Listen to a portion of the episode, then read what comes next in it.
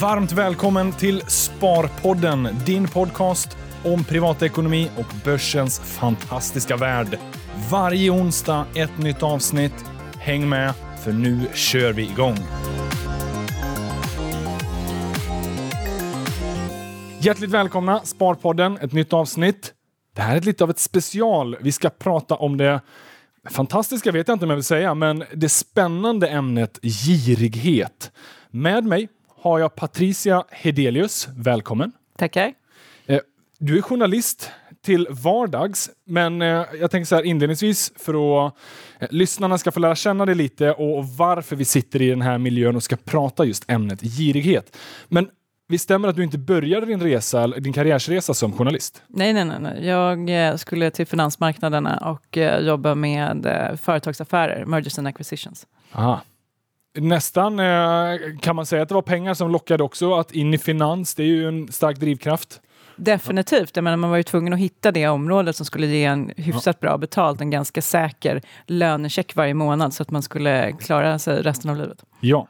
Men någonstans längs med vägen så eh, hoppade du in på det ekonom, eh, ekonomijournalistiska spåret. Till vardags verksam på Svenska Dagbladet. Ja. Eh, och är ju eh, puraktuell med boken Girighetens tid.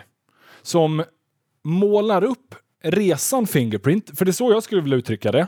Men lärdomen och det man kan ta med sig eh, går så mycket mer beyond eh, bara Fingerprint som fenomen. Har, har jag uppfattat boken eh, någorlunda rätt då? Absolut. Jag menar, det är ju otroligt smalt att välja att skriva om ett bolag eller en, en viss företeelse. Men jag vill ju ha med hela förändringen så att säga, i vårt samhälle och, och hela den här utvecklingen med internet och även synen på aktiesparande och det här med social media. Så det var många spår som skulle in i det här och Fingerprint ja. är den perfekta interiören. Ja, för Fingerprint hade ju en enorm uppgång under primärt 2015, men historien är ju så mycket längre och vi ska återkomma lite till det. Eh, men jag tänker bara inledningsvis, eh, vad var det som eh, introducerade dig för börs?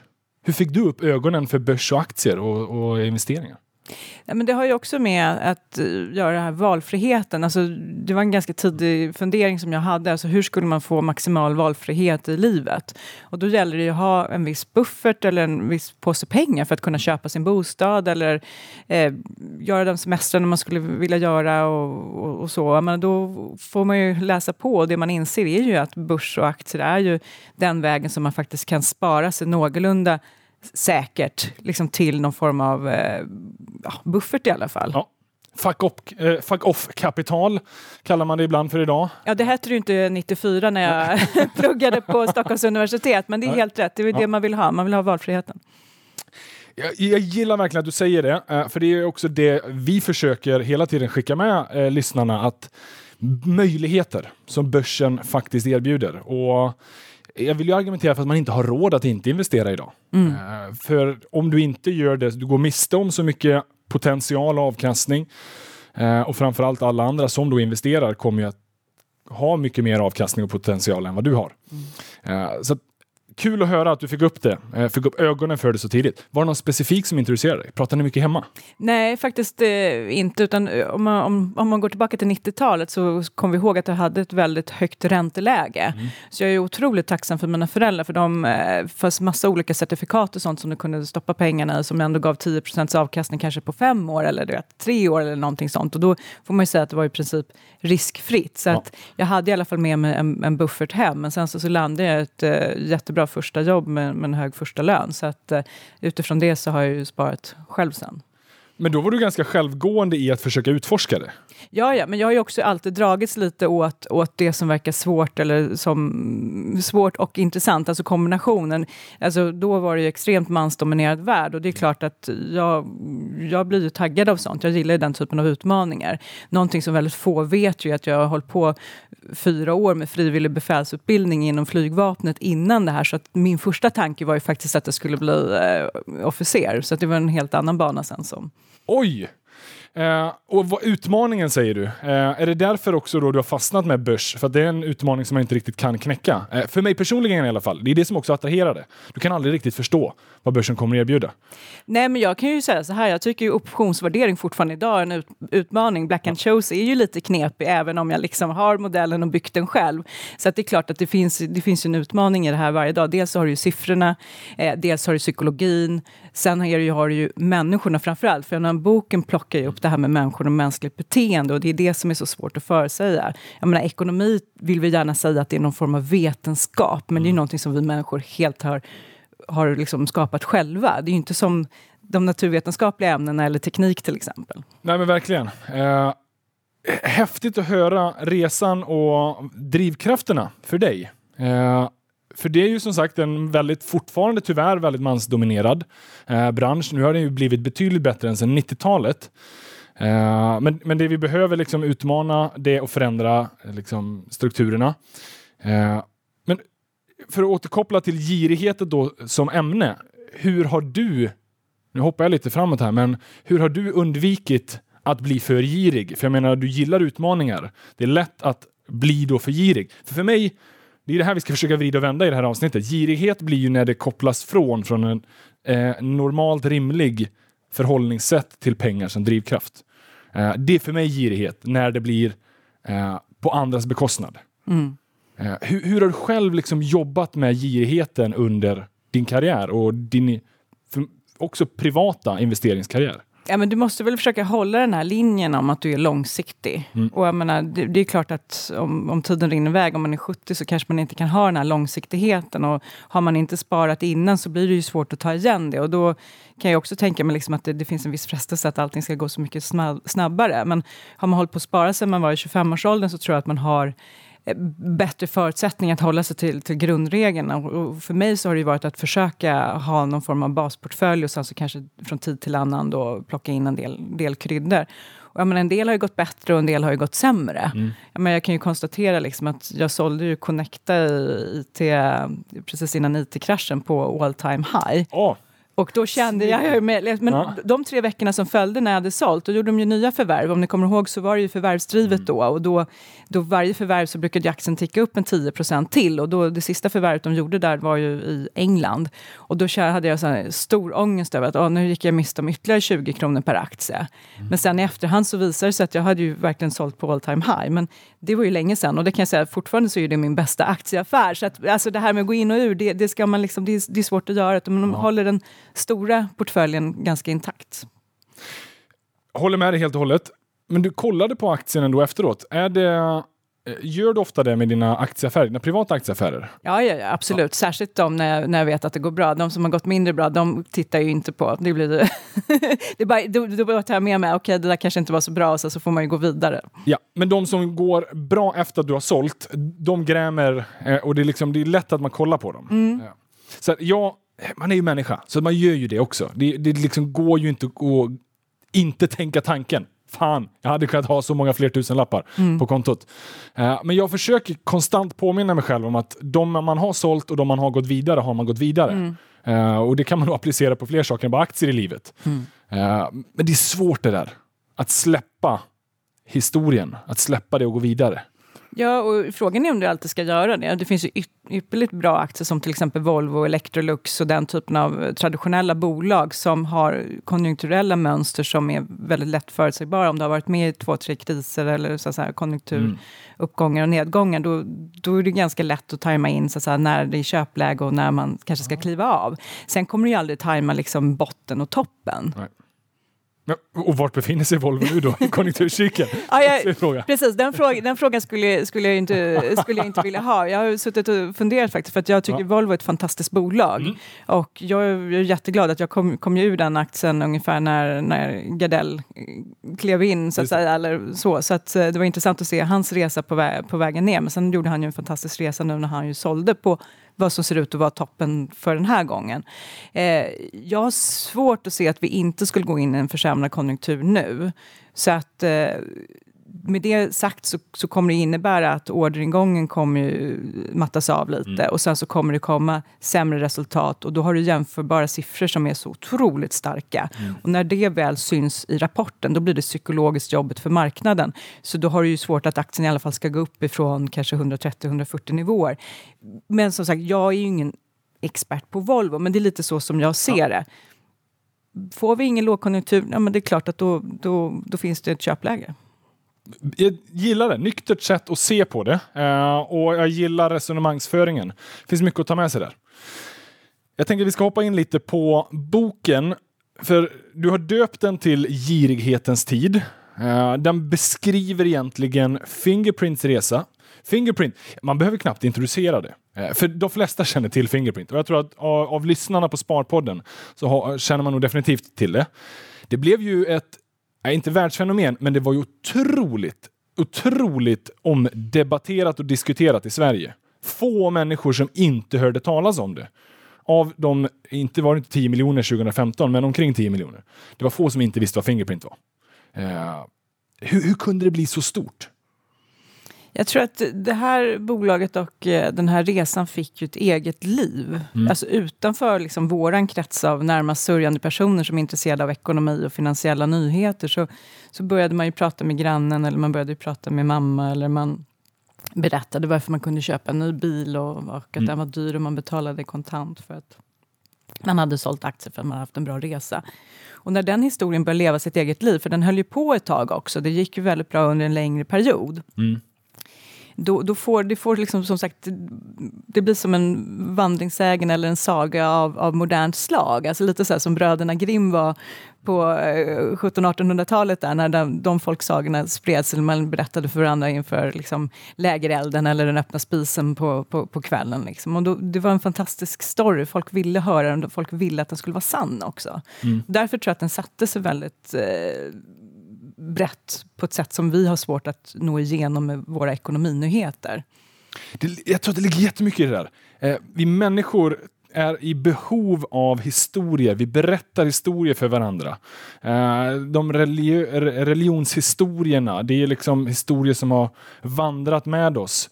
Eh, och det finns så många andra exempel på det.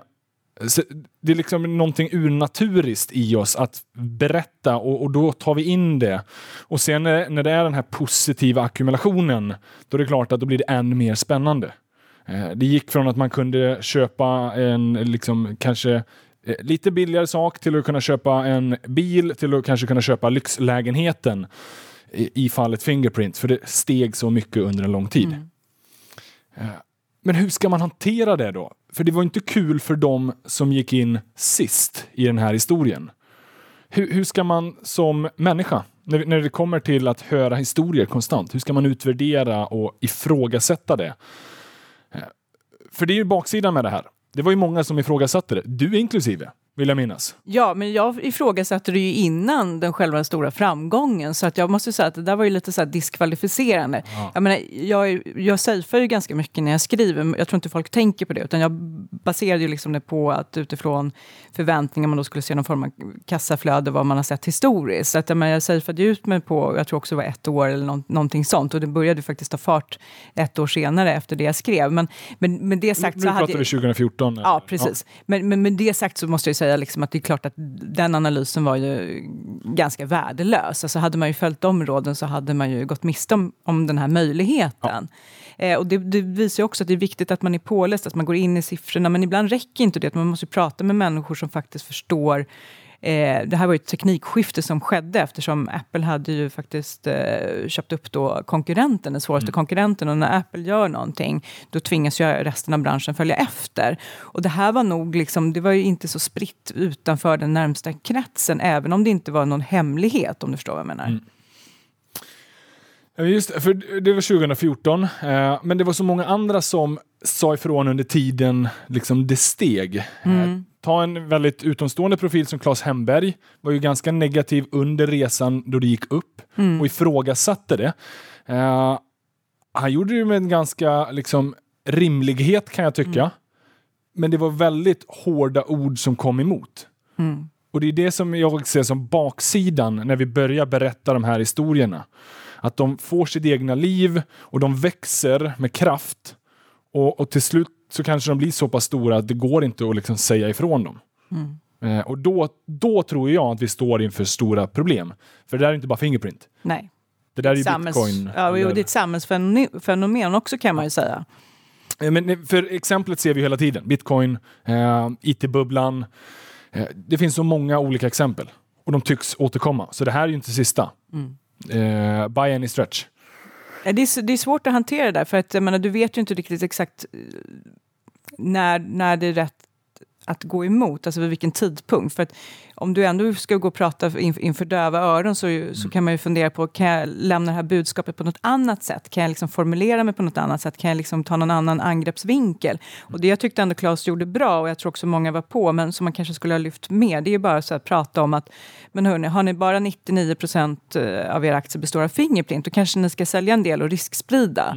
För, för det hade kanske varit lättare, för då ifrågasätter du inte bolaget, utan då konstaterar du bara att du har väldigt hög risk i din portfölj om du har, om den ser ut så här. Så jag tror att det sättet hade väl varit bättre för, för alltså så, ur sparrådsperspektiv. Jag tror också Ja. att den här gruppen lättare hade kunnat ta till sig det. Och men ska man lyssna liksom på, på de som, som jag bland annat har följt delvis på, på resa här så tog de ju till slut till sig det här med, med, med riskspridning och en del lyckades ju göra det och andra misslyckades. Så att det är klart att det argumentet hade kanske fungerat. Jag tror att det kanske hade fungerat, men jag är inte helt säker på det heller. Eh, för vet, det, man blir så blind. Och det är ju tillbaka till girigheten. Va, varför ska jag sälja det här? Det går bara upp. Ja. Jag tjänar ju bara pengar på det. Det här är det sista jag vill sälja. Jag vill ju ha 100%, inte 99% av min portfölj i det där.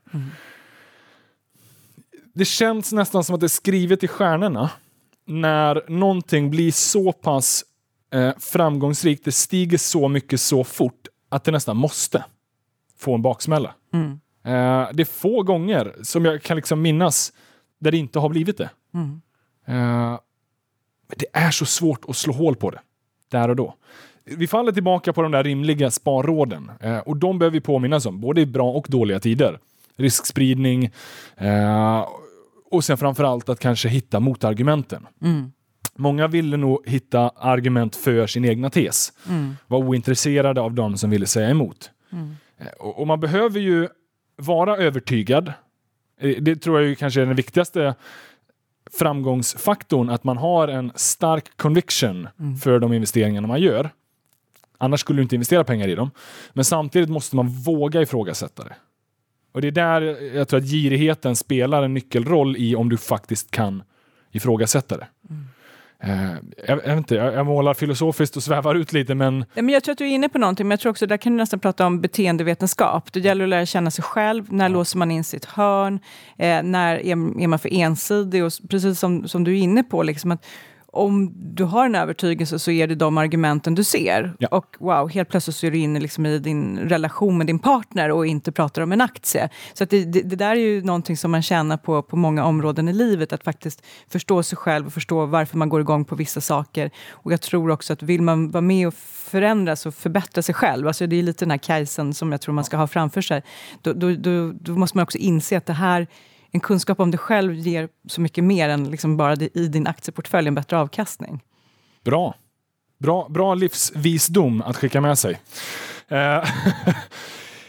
ja, men om, om vi ska liksom ta boken, Fingerprint, jag, jag tycker att det ändå är en intressant historia. Eh, boken i sig målar upp många karaktärer, eh, har väldigt mycket spänning i sig. Eh, det är ju en resa som börjar redan på 80-talet, Mm. som många kanske inte känner till. Och sen då kulminera någonstans 2015 och sen har det ju då varit ett fall därefter. Men bolaget är inte på något sätt över, utan den här resan kommer ju fortsätta även efter det här samtalet. Ja, men om, om vi målar lite övergripande då, vad, vad var det som hände 80 på 80-talet och hur ledde det fram till 2015? Ja, 80-talet så fick ju den här eh, då, alltså filmproducenten då en strålande idé och han var nere på Cannes och vad han gjorde där är ju ingen som vet för att han hade ingen film som skulle upp utan han hängde väl på polarna där då. då. Ja. Eh, och eh, ja, det sägs att han fick in det här eh, kreditkortet med ett flottigt fingeravtryck och då tyckte han eureka, liksom, att det här, Ja. här var ju någonting, gud vad lätt om jag hade bara kunnat sätta fingret och få betala och, och slippa slipparna. Det var väl lite det. Intressanta var ju att jag träffade ju patentingenjören som kände den här mannen, den här filmproducenten. Och eh, han sa ju att det där hade han ju aldrig hört talas om. Utan det här var ju en av Bosses alla galna idéer och som då den här patentingenjören då fäste på papper och faktiskt lämnade in till PRV.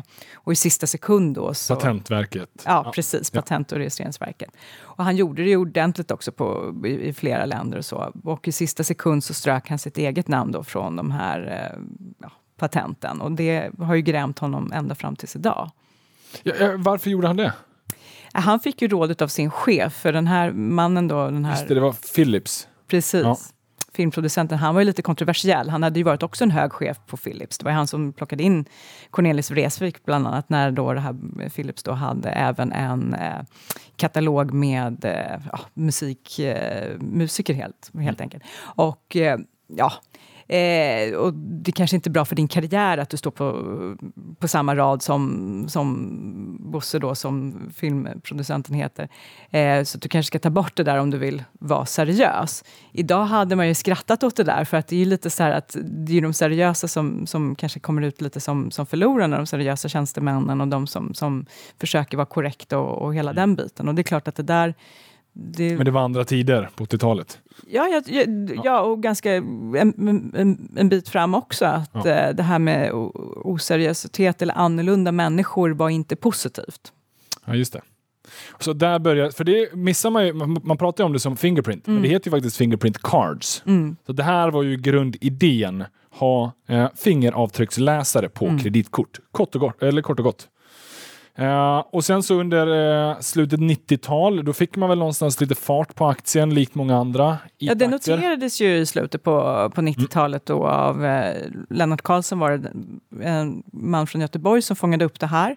Eh, entreprenör eh, inom andra branscher och andra områden, men han hade en liten patentbyrå och då så ville då de som ägde patentet då att, snälla hjälp oss att göra någonting. Och då tyckte han att men det här är ju fantastiskt och eh, han hade också dialog med Ericsson redan då. Eh, och det var så det såldes in i tidningen Dagens Industri Just det. eh, när det skulle börsnoteras. Eh, han har tumme med Ericsson, tror jag rubriken löd. Och eh, där fick man ju många sparare. Det var ju övertecknat, eh, den, den noteringen. Och det som är intressant där, det är ju liksom att redan här tror jag man i det här. Liksom, att det är ju inte liksom medelålders hemmafruar som stoppar in pengar i, i, det här bolaget, utan det är oftast unga, du vet, omvärldsintresserade, riskbenägna, ehm, så, här, Tekniknördar. Ja, men också som Ja. är öppna för framtidsvisioner. Alltså, när- om man kommer ihåg när man är ung så tror man ju liksom att under min levnadstid så kommer allt det här hända liksom, på något sätt. Och sen så kanske man då når medelåldern och så inser man att det inte är så mycket som har förändrats, för människor är ändå människor. Ja. Men, men det här, det var, det, så det var ju det som var liksom grunden och det var inte jättemånga aktiesparare på den tiden. Och sen så fick den en uppsving, tummen med Ericsson. Likt mycket annat där under IT-bubblan fick den Ja. en sving. Och sen var det ju bara ett långt, långt vakuum. Ja. Ja.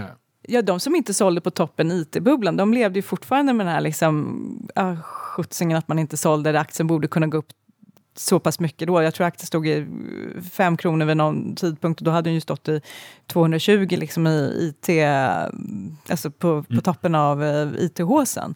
Så det, det är klart att det där, det blev som ett eh, arv som man tog med sig under hela 00-talet.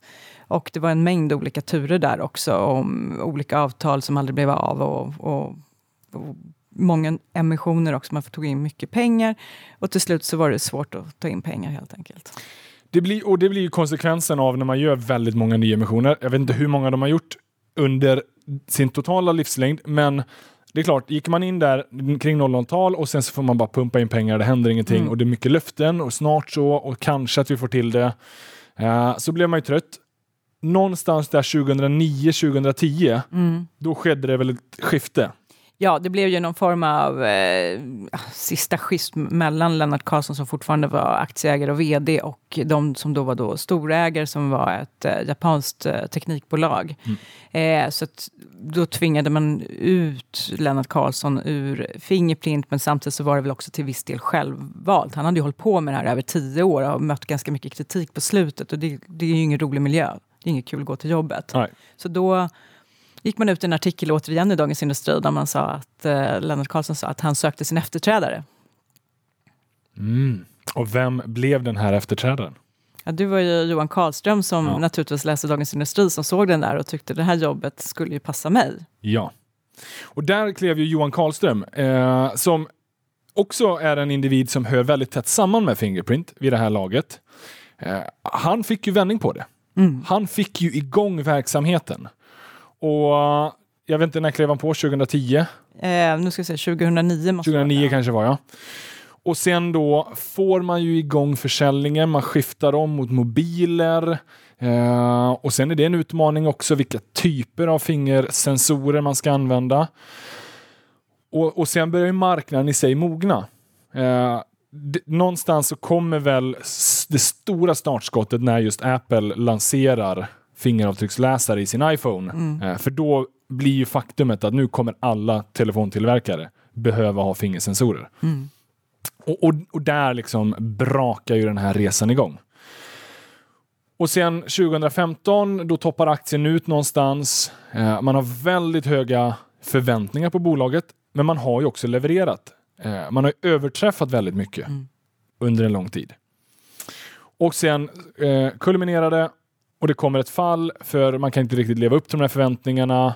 Eh, man bygger på sig lager. Eh, konkurrenter kommer ikapp. Ja, och sen så liksom börjar det här fallet ner. Eh, men innan vi går in på det. eh, Dels det som verkar vara väldigt tydligt med den här historien. Det är ju att det finns en ganska tätt sammankoppling mellan aktieägare och bolagets ledningsindivider. Eh, du har ju vdn och sen många liksom insatta i bolaget som konstant liksom följer och figurerar i chattforum och hänger med aktieägarna. De har väldigt mycket, de är konstant närvarande. Det här är ju väldigt nytt känns det som. Det, det kommer ju med IT, eh, eh, eller i form av att vi har nu mer chattforum och mer lättillgängliga eh, plattformar att dela våra åsikter. Men jag kan ju bara liksom tänka mig att det är jobbigt som person i ett bolag att försöka konstant liksom hänga med i det där. Eh, Man, man vill ju givetvis höra vad sina aktieägare tycker och tänker. Och man vill ju lyssna på utomstående, men det tar ju fokus. Det måste du göra. Jag, jag, tror inte, alltså jag tror inte du kan driva ett bolag till framgång om du tar för mycket hänsyn till vad som sägs på de här chattforumen. Menar, det förekommer ju fortfarande än idag och kanske ännu mer utsträckning i, i andra bolag än, än just Fingerprint också. Jag tror att man måste flytta lite fokus därifrån. Men med det sagt så, så är det klart att det är svårt om man då blir uthängd som värdelös eller dum i huvudet eller någonting annat. Att det är svårt att inte bemöta det. Men det här är ju lite det som vi har också så inom, inom hela samhället. Jag menar, journalistik, alltså journalister är också utsatta för det där. Att, ja, men lyssnar man för mycket på, på kritik mot vissa artiklar eller vissa ämnen du kan ju inte sluta skriva, på det, skriva om det bara för att du får kritik från namnlösa konton eller från folk som tycker att du är en idiot. Utan du måste ju ändå ha någon, som du är inne på, någon inre form av övertygelse eller liksom måste behålla fokus för annars så blir du ju söndermald. Jag tänker att du måste få testa på det här många gånger själv. Eh, som journalist, eh, skriver väldigt mycket och är väldigt vass med pennan. Eh, jag kan tänka mig bara att du har fått en hel del kritik tillbaka. Och någon gång måste du ju liksom satt sig på dig. Ja, men jag, jag tycker så här att eh, det, det finns ju liksom... Det är nästan hellre att man tar de här hatmejlen eller, eller det här än den här sublima kritiken som sker liksom i de möblerade rummen runt de stora bolagen. Där liksom de försöker gå bakom ens rygg så att säga och föra någon form av egen dialog med läsare. Läs då liksom stora institutioner eller stora aktieägare. Där de liksom försöker runda journalistiken. Att de vill inte svara på våra frågor utan de skulle göra sin egen bild då till, eh, till, till de då som, som kan skapa problem så att säga för dem. Eh, och det, det, jag tycker... Varför tycker du att det är jobbigare? Eller jag fattar ju det. Eh, f- för man vill ju dela med sig som journalist.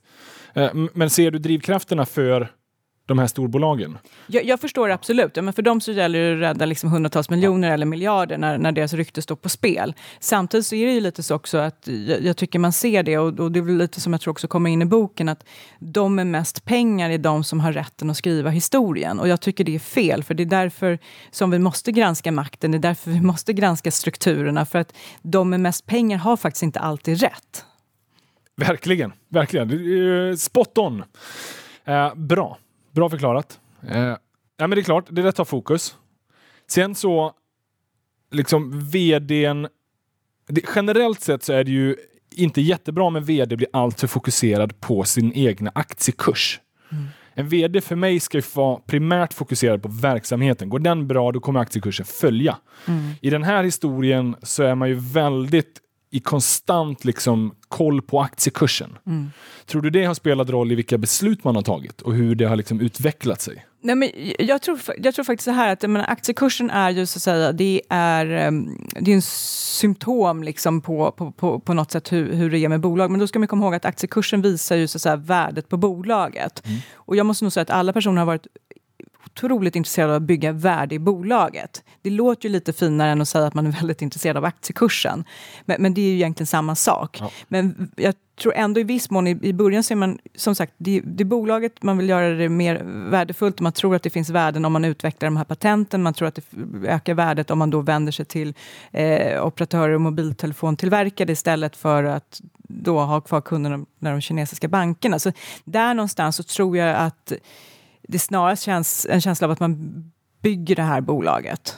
Och en, en symptom på det är ju just att man har kontakt med riskkapitalbolag. Man vill hitta en partner att köpa ut det här bolaget ifrån, ifrån börsen. Sekundärt, men ändå liksom minst lika viktigt eftersom det är temperaturmätaren på värdet på bolag, blir ju aktiekursen. Eh, så att det finns någon liten skillnad där. Och sen tror jag också att efter ja, det har gått så himla bra där runt 2015 och sånt, då kommer den här aktiekursen, blir ju den liksom exakta termometern på man har redan bevisat att man har varit väldigt framgångsrik att uh, göra det här bolaget uh, stort och intressant och det har många kunder och sånt. Men efter det så, så är det ju liksom mer aktiekursfokus. Mm. Och framförallt när det faller, då blir det väldigt påtagligt. Ja, och det är ju återigen det, man vill ju tillbaka till ja, när den låg på, eller liksom, ja. den har ju ändå legat där och den borde kunna komma upp. Om det var värt 10 kronor för ett år sedan, varför är inte den här nyheten värd 20 kronor? Alltså att lyfta kursen. Mm. Och det blir de här ja, som du är inne på, man, man vill hitta förklaringarna och sen så får man inte den utkomsten man vill ha, liksom att de här goda nyheterna borde ge det här resultatet och det gör det inte. Och så får man lite panik över det och så pratar man jättemycket om det och sen så nästa nyhet ger inte heller den effekten utan kursen fortsätter ner. Så det är klart att det är en lång miserabel resa där som är fokuserad på liksom, nivåer. Mm. Ja, för det är det jag tänker att det är bra som investerare att ha med sig när man märker att det blir alldeles för högt fokus på aktiekursen. Uh, det är precis som du säger, det, går ju inte att inte fokusera på den, för mm. den är ju i slutändan den absolut mest uh, rimliga temperaturmätaren. Mm. Men vi, får komma ihåg att den bygger på förväntningar. Mm. Så att, eh, det är inte bara vad bolaget är värt idag, eller det är ju det i, i sig, mm. men det är också vad vi har förväntningar att det ska vara värt Precis. framöver. Eh, så, och det finns så mycket eh, heuristiker som vi människor drabbas av, att vi förankrar oss i ett visst pris mm. och, och jämför mot det där. Jag hoppas att heuristiker är det svenska ordet. det lär visa sig. Vi kanske får någon lyssnare eller tittare som kan hjälpa oss med det. Ja, men jag, man fattar nog vad jag menar. Um, anchoring bias är väl mm. engelska ordet. Jag vet inte. A ankar... Uh, anyhow, jag tror att ni, ni hänger med och du hänger med i vilket fall. Så jag, jag, ser ju den som är problematisk. Och eh, sen så, så är du inne på, även för att motivera ledningen så vill man ju ha de här optionsavtalen för man har ju ja. inte råd att betala höga löner för att få de här ingenjörerna från Ericsson och för att få de här fantastiska mm. säljarna med Ericsson-bakgrund. Utan det man kan erbjuda dem är ett stora optionspaket. Och det är klart att när du sätter ett optionspaket, då är ju alla väl medvetna om vilken strike, alltså vad är det du kan lösa in det på, vad är det du har köpt det till och vad kostade optionerna. Så att bara därigenom liksom själva belöningsmodellen så får du ett fokus på aktiekursen. Ja. Och då kommer man ju rimligtvis som anställd göra sitt absolut yttersta för att aktien kommer att stå över strikepriset. Eh, det, det är ju inte konstigare än så. För min Nej, det hade jag ju gjort. Ja, jag hade också gjort det. Så eh, det är därför man som investerare som står utanför det här och funderar om jag ska stoppa in mina pengar mm. behöver ju definitivt ifrågasätta. Nu hade man ju väldigt, väldigt generösa optionsprogram. Det sätter ju ett visst fokus i uh, liksom hur man kommer agera. Uh, det spädde ju ut mig som aktieägare, vilket man liksom fick bevittna senare. Och i det här fallet så ledde det ju till en hel del ekonomisk brottslighet dessutom. Jag vet inte om det var på grund av optionsavtalen, men om det är någonting som har hängt över Fingerprint så är det ju alla de här insynshärvorna. Ja. En hel del individer har blivit dömda Men det är också fortfarande pågående av, eller åtal eh, än idag. Mm. Jo men det stämmer, men Johan Karlström ska ju upp här i mars. Och eh, sen så har vi ju en del av... Eh, Och det får vi också se om det blir av. För jag menar, det har ju skjutits fram några gånger. Ja, ja, definitivt. Så att, eh, det, det är verkligen med brasklappen vi får se om det blir av. Ja. Sen så blir det också intressant att se hur man hanterar det när det har gått så lång tid. Ja. Från så att säga, det misstänkta insiderhandeln till, till att faktiskt få ta upp det i domstol. Den har ju parallellhistorien här som jag tycker också är, är värd att nämna. Så det är ju den med, med Ola Rolén. Mm. Och han har ju också ett åtal, fast i Norge då, i eh, då deras motsvarighet då till eh, hovrätten då, som ska komma här efter då på vårkanten. Och det här är bekymmersamt. Eh, dels för aktieägarna givetvis, för det drabbar ju aktien på ett eller annat sätt. Eh, givetvis tråkigt för alla inblandade också. Eh, och vi vet ju ännu inte, man är bara åtalad, så vi får inte dra för förhastade slutsatser heller. Men några är ju faktiskt dömda. Men det är klart att girighet har ju lockat i de här fallen. Eh, nu har man ju delat information till nära och kära eh, och sen gjort affärer på det. Det är kort och gott vad som har hänt. Mm. Eh, väldigt lönsamma aktieaffärer. Och den är ju bara, det är bara ett sluttecken på girighet. Jag tror att man blir fartblind. Jag tror inte man Ja. hinner stanna upp och, och fundera på hur det här kan tolkas eller inte tolkas. Jag menar, det, är ju, det är ju en otroligt svår lagstiftning. Alltså, vad är det som är insiderinformation och vad är det som inte? Jag menar, för oss utomstående så kan man alltid tycka, och det är lätt att döma, eh, var drar man gränsen eh, eller så. Men, men det ska ju ändå prövas i en domstol och där visar det sig att det, det är inte så, så himla lätt. Och även när du ska formulera någon form av åtal, att kunna visa att det här var insiderinformation vid en viss tidpunkt. Men med det sagt så är ju, tycker jag att risken, att ta den risken om man sitter i en insynsposition, att bli misstänkt och faktiskt kanske bli åtalad. Det, det är också så att säga, en stor risk som man bör bedöma. Det kanske är så att man inte ska handla frekvent och väldigt ofta i ett bolag där man är insynsregistrerad. Utan man kanske ska försöka hålla sig till de dagarna då som är ja, dagen efter rapportdagen egentligen. Och då förutsatt då att du inte eh, är, har någon annan information som inte marknaden har. Men det, det lämnar ju dig med fyra möjliga handelstillfällen per år. Och jag tror inte att alla är inte där. Alla entreprenörer på börsen är inte där. Utan de ser det här som liksom sitt bolag. Ja. Och, men med det sagt så har du ju oftast väldigt mycket mer information än vad resten av marknaden har. Jag menar, till och med Stefan Persson har ju har det ju pratats om i Hennes och Maurits när han ligger och köper aktier konstant emellan rapporterna. Någonstans så sitter ju han i styrelsen, någonstans så badas han ju i ett hm tänk ett hm mummel ett hm prat som ingen annan får ta del av. Och när finns det någon tillstymmelse till insynsinformation i den? Jag skulle inte ens vilja bli ifrågasatt på den. Nej. Så att, nej, lärdomen är ju att ha lite buffert ur liksom, privat hänseende för de här människorna.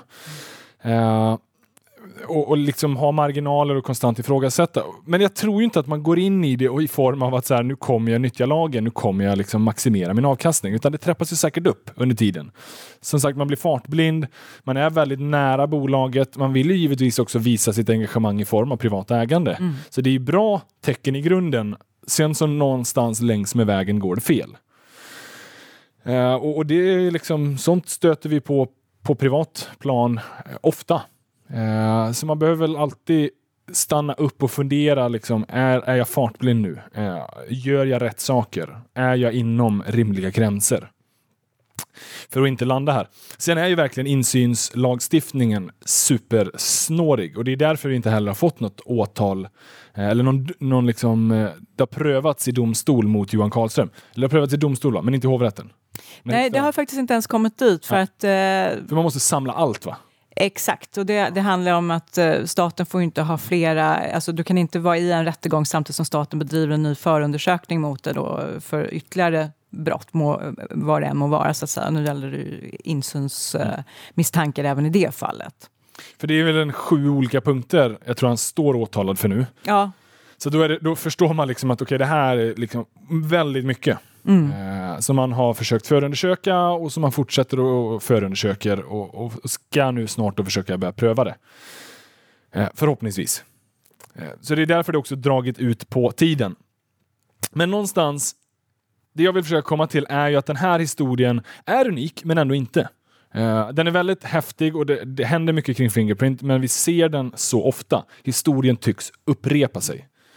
Va, vad är för dig de viktigaste byggstenarna för att en sån här spekulationshändelse uppstår? Ja, men det är ju... Så att säga, basen är att eh, du har egentligen ett utdömt bolag eller ganska ointressant eh, teknik för tillfället därför den inte går att, så att säga, kommersialisera.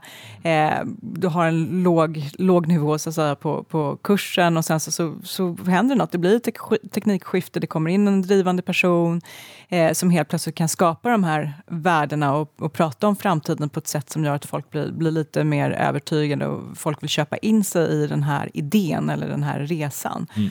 Och sen också så gäller det att man någonstans lyckas. Jag menar, det här är ju tror jag, Sveriges största exportframgång liksom, på 00-talet och framåt faktiskt. Jag menar, det är, jag tror inte vi har någon liknande exportsuccé. Visst var ju Spotify och, och, den typen, men, men det här är ju faktiskt en, en produkt som är liksom, eh, ja, patent, svenskt ursprungspatent. Ja. Eh, sen just att det, det, ska börja pratas om det, lite som den här tulpanmanin i eh, Amsterdam då på jag tror det var 1600-talet, kan ju ha varit lite tidigare, men att du köper till slut bara för köpandets skull, för du vet att det går upp. Mm. Du köper inte för att du vill ha en tulpan som är blålila, utan du köper som sagt bara att du vet att den här är värd 15% mer nästa vecka. Eh, och då har du ju liksom skapat någon form av, av bubbelform. För att jag menar, även på toppen så var det svårt att räkna hem de fantastiska framtidsutsikterna Eh, om man då som, som du säger att aktiekursen är liksom, speglar ju vad man ser för värde framåt. Och det mm. fanns ju inte riktigt där heller. Eh, om inte annat så var det i alla fall en väldigt stor risk som man behövde ha det. Eh, sen tycker jag också att det är lite någon vaknar upp där och då har jag ju inne på det här med, med kejsarens nya kläder. Att någon vaknar upp där och konstaterar att nej, men du vet, kejsaren är ju, om inte naken så nästintill naken. Att vänta, nu vill jag faktiskt se om, om han har kläder på sig eller inte. Så att jag tar hem lite, jag säljer av lite. Eller, eller, och fler följer efter då. Och sen så, så visar det sig då att eh, det kanske inte var så mycket som låg i, i de sista hundratals procenten. Nej. Ja, men det ligger någonting otroligt viktigt i, i, i det budskapet. Det här med köpandet för köpandets skull.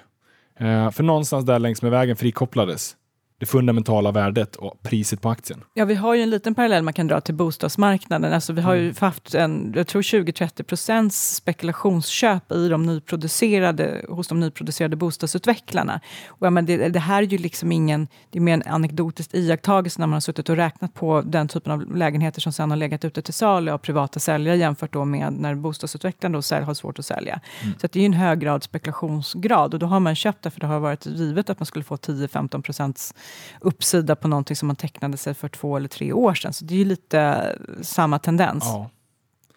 Och den kommer ju fortsätta. Den, kommer uppstå igen. Eh, jag kan ju inte säga att det är fel heller. Alltså, eller, någonstans kan man ju säga att det är fel, för det blir ju problematiskt, uppenbart, konsekvensen. Men om, jag, om någon skulle ställa mig frågan, eh, vill, vill, du köpa den här och den kommer att vara 50% högre nästa vecka, då kan du sälja den. Mm. Ja, det är klart att det känns ganska lockande. Mm.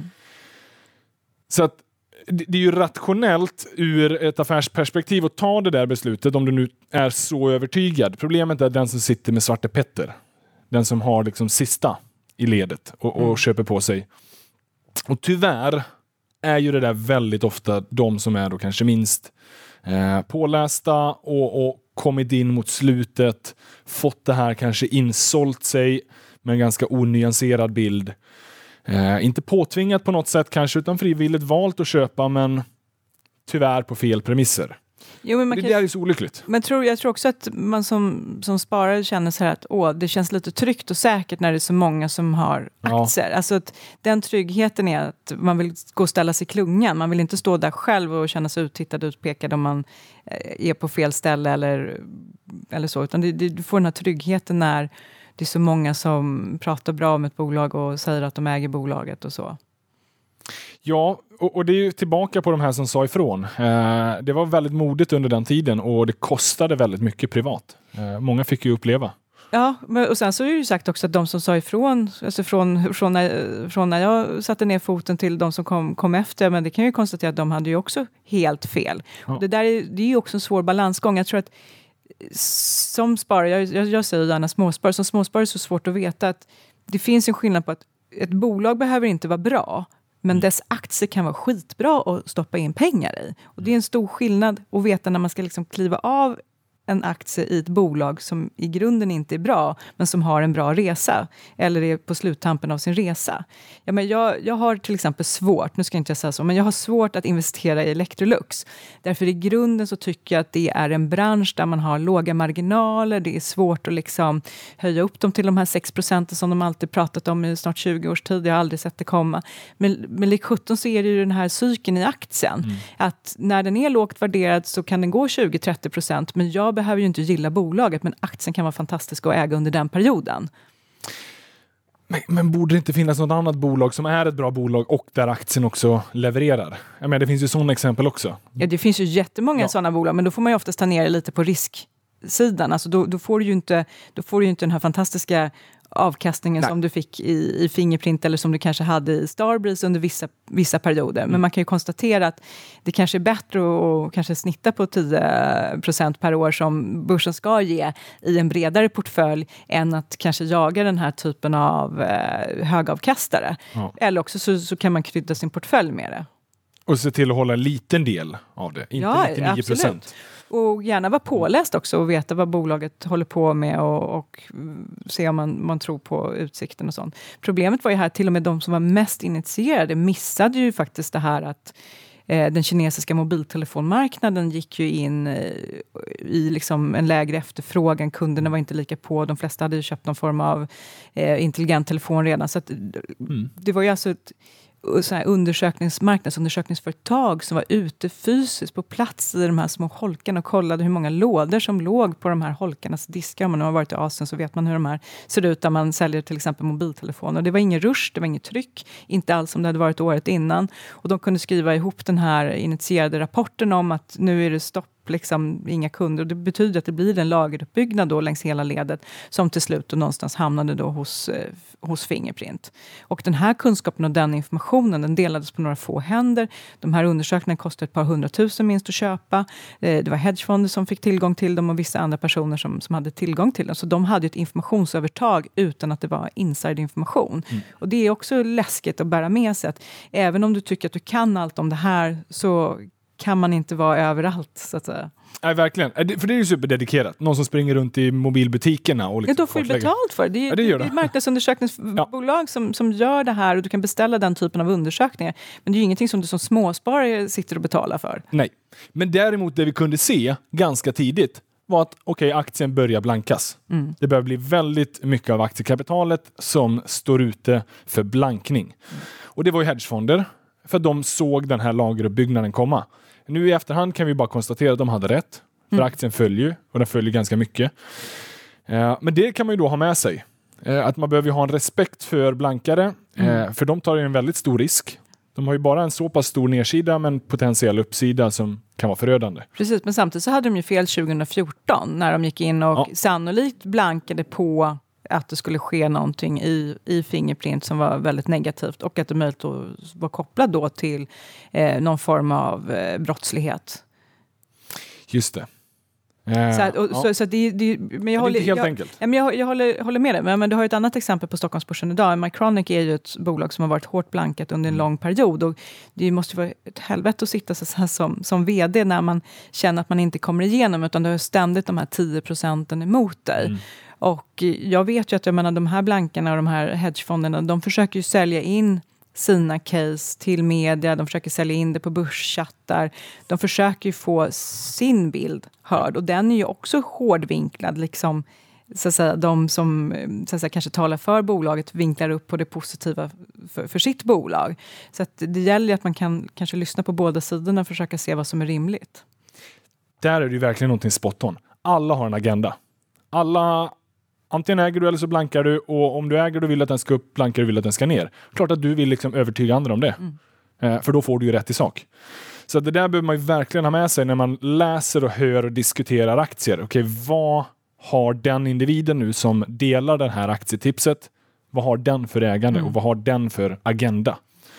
Eh, utan att man behöver vara super liksom, hård och kritisk, men man behöver förstå vad är det, fi- finns det drivkrafter bakom de här argumenten? Mm. Finns det tillbaka på de där heuristikerna? Eh, vi har, man har en övertygelse om Mm. någonting. Bra spot on. Eh, Patricia, jag tror att vi skulle kunna prata om det här i all evighet. Eh, jag tänker jag vill avsluta i alla fall med att bara se om du har Finns det någonting du har lärt dig personligen under resan av att skriva den här boken? Finns det någonting, eh, någon ny tanke eller vinkel som du själv har liksom tagit med dig i processen av att skriva boken? Men jag, jag är en ganska mycket tror jag, siffermänniska och, och lite sådär in the box. Och kanske inte så mycket beskriva och berätta om, om människor. Men jag tycker att jag försökte göra en förändring så att säga, i, mitt sätt att skriva i med boken och försöka följa människorna istället för att fokusera så mycket på nyhetshändelserna eller avslöjandena.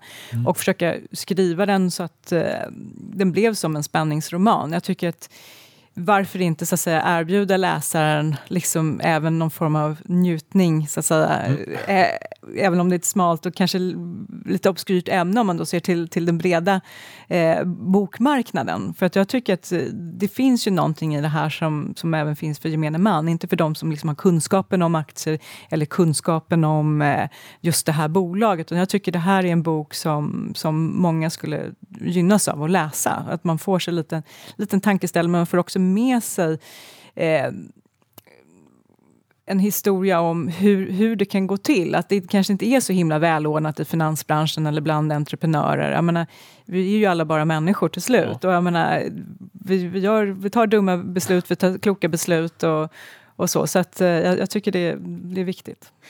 Jag kan bara instämma. Jag har själv läst den. Jag tyckte den var otroligt eh, fängslande. Och eh, jag tycker definitivt att den hör hemma under julgranen. Att ge bort. Eh, för det finns lärdomar om girighet som är applicerbara även utanför börsen. Men också högst applicerbara på börsen. Eh, avslutningsvis, det här är ändå Sparpodden. Är du sparsam? Absolut. Bra. Och investerar givetvis på börsen. Du har ju följt börsen under en längre tid. Eh, girighet, jag tror att vi redde ut det lite. Ja, vi försökte i alla fall. Eh, och stort tack för att du kunde dela dina tankar och idéer. Stort tack för att du har skrivit boken. Och eh, sen så ser jag fram emot vad nästa bok blir. Vilket bokprojekt det blir framöver. Vi får väl se. får bli en uppföljning. Absolut. Tack så jättemycket för att jag fick komma hit. Och tack till er som har lyssnat givetvis. Eh, girighet, någonting som vi alla ständigt måste påminna oss om att hantera. Eh, För den ligger där eh, i bakhuvudet någonstans. Och har väl gjort sedan eh, de tio budorden författades. Ja, faktiskt. Så att få igång diskussionerna eh, hemma och få igång dem eh, och, och försök lär varandra. För det är det som är i alla fall min ambition med den här podden. Att eh, vi behöver prata om det så att vi någonstans blir mer medvetna om det. Ja. Så att få igång diskussionen. Så tar vi det därifrån. Tack så mycket.